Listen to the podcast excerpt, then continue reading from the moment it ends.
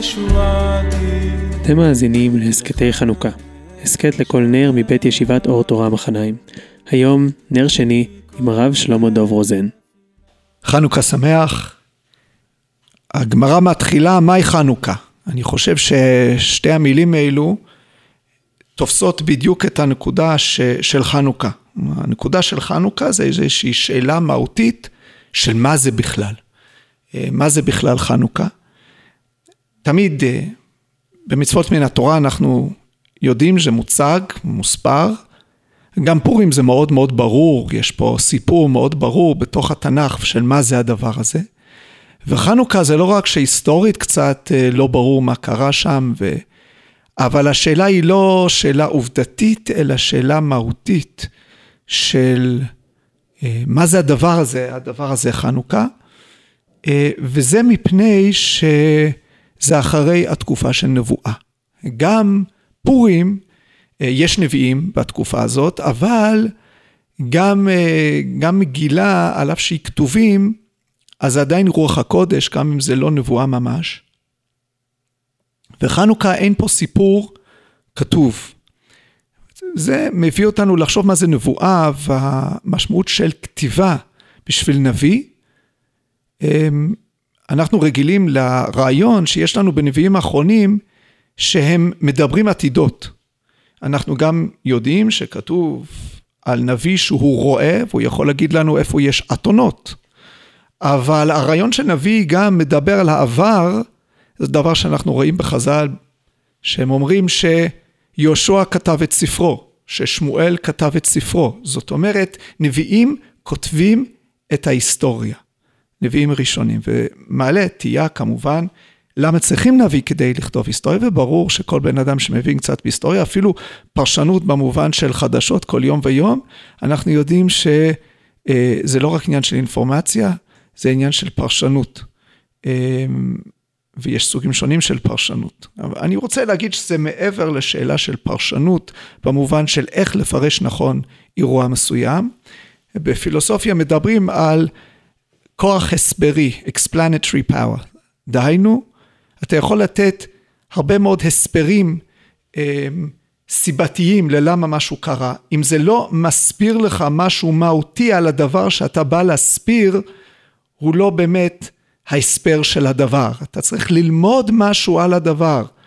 אה, במובן רוחני, אנחנו נדבר על מבט של ראייה נבואית, שבראייה נבואית אדם אה, מבין את המשמעות הרוחנית של אירוע מסוים, ויכול להיות שריבוי אינפורמציה לא בהכרח יעזור לו להבין יותר טוב מבחינה מוסרית, ערכית, רוחנית, מה קרה כאן. וכשאין נביא, אז יש בעיה.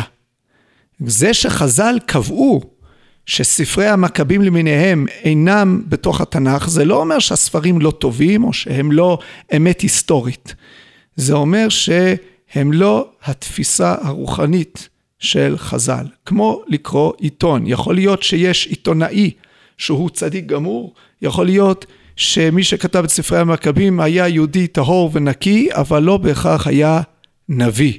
והמבט הנבואי זה מה שאנחנו זקוקים לו כדי לתת פשר. ולכן השאלה, מהי חנוכה? אנחנו רוצים לדעת מה שונה בין הרדיקלים האלה אה, של בית חשמונאי של המכבים לבין אלה שגרמו לחורבן הבית בסוף בית שני.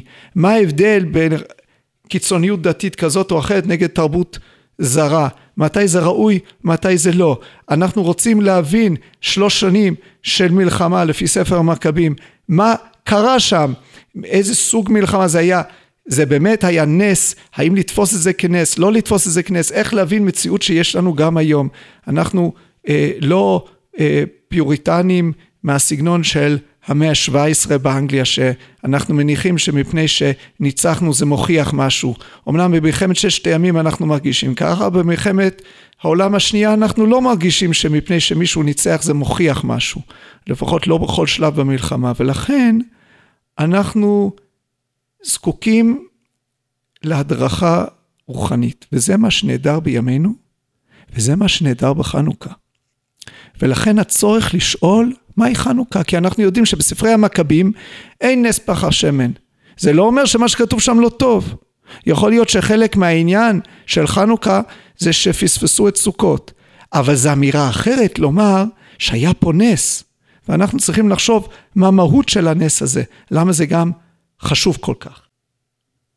נראה שחז"ל השתמשו אה, במטאפורות אה, שיש לנו בספרי הנבואה כדי ליצור אה, מצווה, כדי ליצור מצווה שהיא מפרשת את העומק של חנוכה, וזה מהי חנוכה.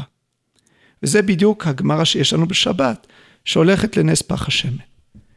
אה, יכול להיות מעבר לכך, שזה לא רק שחז"ל השתמשו במטאפורות של נבואה, אלא שהמטאפורות של הנבואה היו שם מראש כדי לאפשר לעם ישראל להבין מה קורה להם בתקופת המכבים. ואנחנו כמובן חושבים על ההפטרה של חנוכה, שזה מזכריה פרק ד', ושם המלאך אה, מדבר לנביא אה, ומראה לו אה, זאת אומרת, הוא, הוא רואה, הוא מדבר על מה שהוא רואה, הנביא רואה מנורת זהב וגולה כולה וגולה על ראשה ושבעה נרותיה עליה, שבעה שבעה אה, ושבעה מוצקות לנרות אשר על ראשה, או שניים זיתים עליה וכולי וכולי, וכל הנבואה הזאת הנביא לא מבין. אפילו זה קצת מוזר שאין לנו במקומות אחרים שהמלאך מוציא את הנביא טיפש כביכול. שהוא אומר, מה אתה לא מבין? הרי הוא אמר לפני רגע מה אלה אדוני, והוא אומר לו, והוא אומר, ויאמר אליי, הלא ידעת מה הם אלה, והוא אמר לו אדוני. ובאמת, זה לא מפתיע, כי הרי אמנם הרמב"ם ואחרים מבינים שבכל ה... אה, בכל הנבואות, או בהרבה מאוד מהנבואות, יש פה אה, כל מיני דברים, חפצים מטאפוריים שהנביא רואה, אבל בפשוטם של דברים, זה מעט מאוד מופיע אה, בנביאים, ויש סביר להניח שזה לא קורה כל כך הרבה לפי הפשט.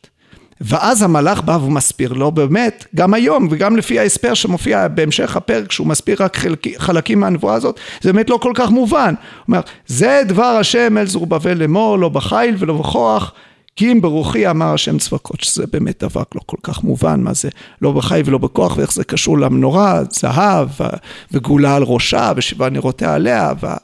זיתים.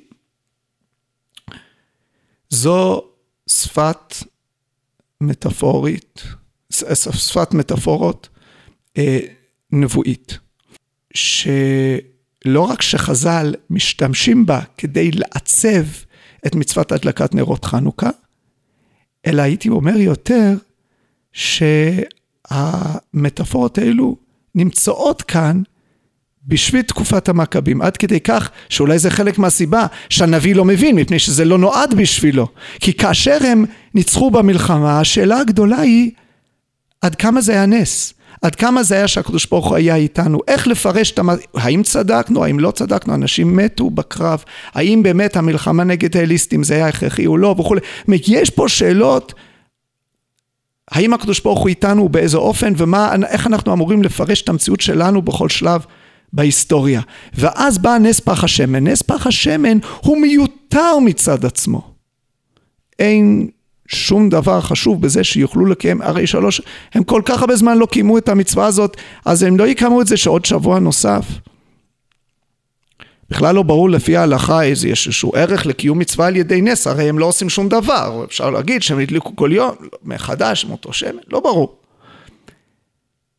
המעט הטהור שמנצח את הכוח העצום, החשוך, אה, זה פירוש מטאפורי למה שהם חוו בשנות המלחמה. זה מעודד אותם וזה מדריך אותם לפרש שזה מה שקרה, להבין את הנס.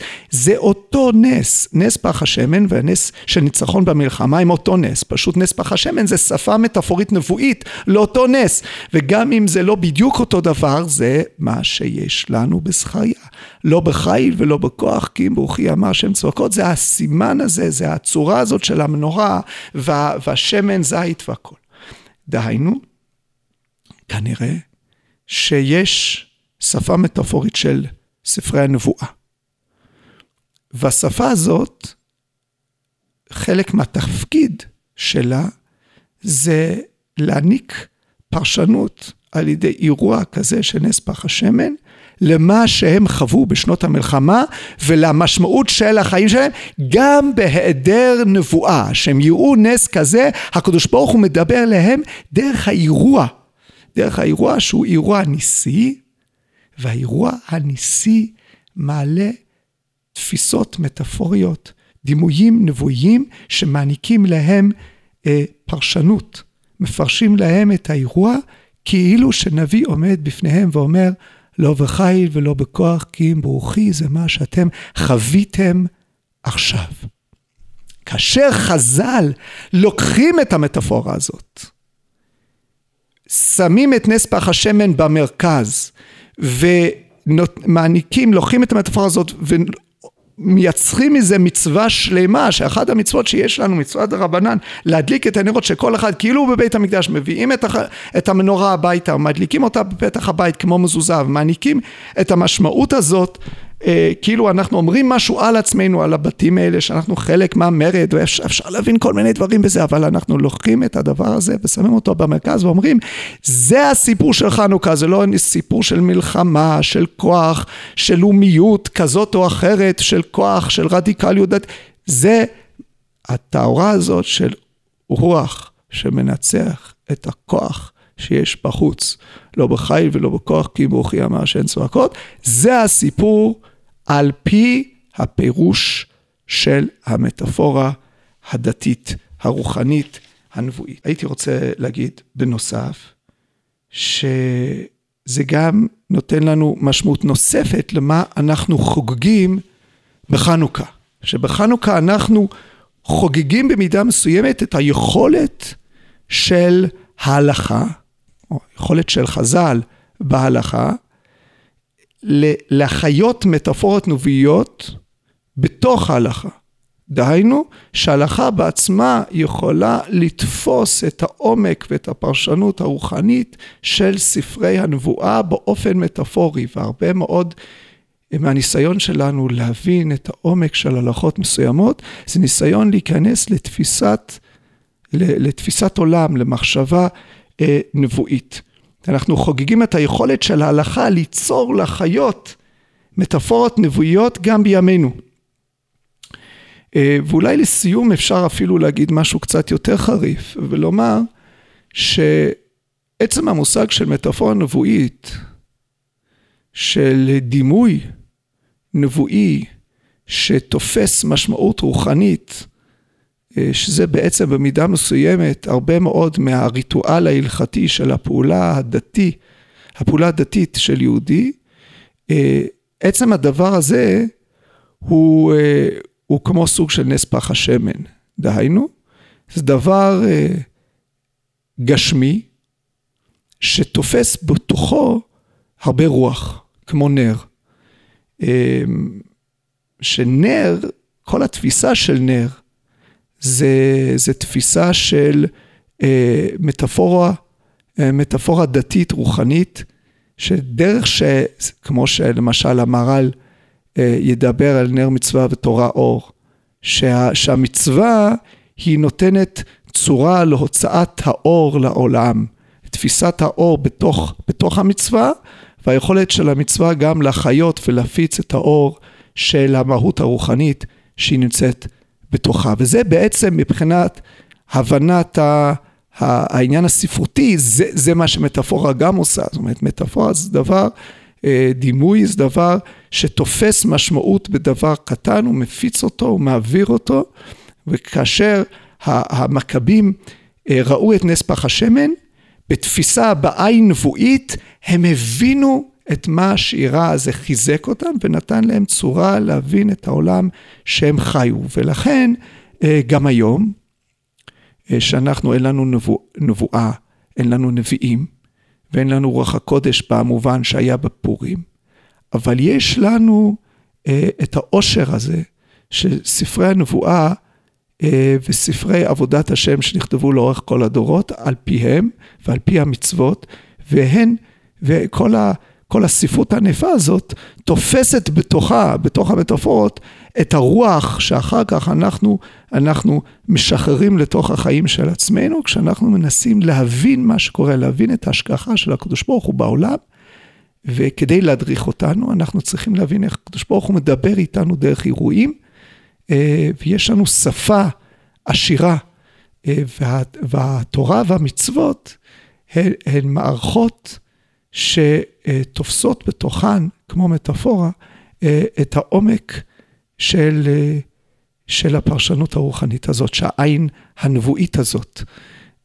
ולכן בחנוכה, שזה בעצם החג של היציאה מעולם של נבואה והניסיון להתמודד עם עולם לא נבואי מול הלניזם וכל הכוחות והרוחות שיש בעולם והחושך הגדול שהרבה פעמים אנחנו מרגישים מסביבנו. ובחנוכה אנחנו חוגגים את נס פח השם, אנחנו חוגגים את היכולת של המטאפורות הנבואיות, זאת אומרת, העומק של קיום המצוות והמשמעות והתוכן הרוחני שיש במצוות, להחיות ולהדריך ולהראות לנו איך לעשות סדר ולהבין, ולהבין את החיים שלנו ולהביא אור לעולם.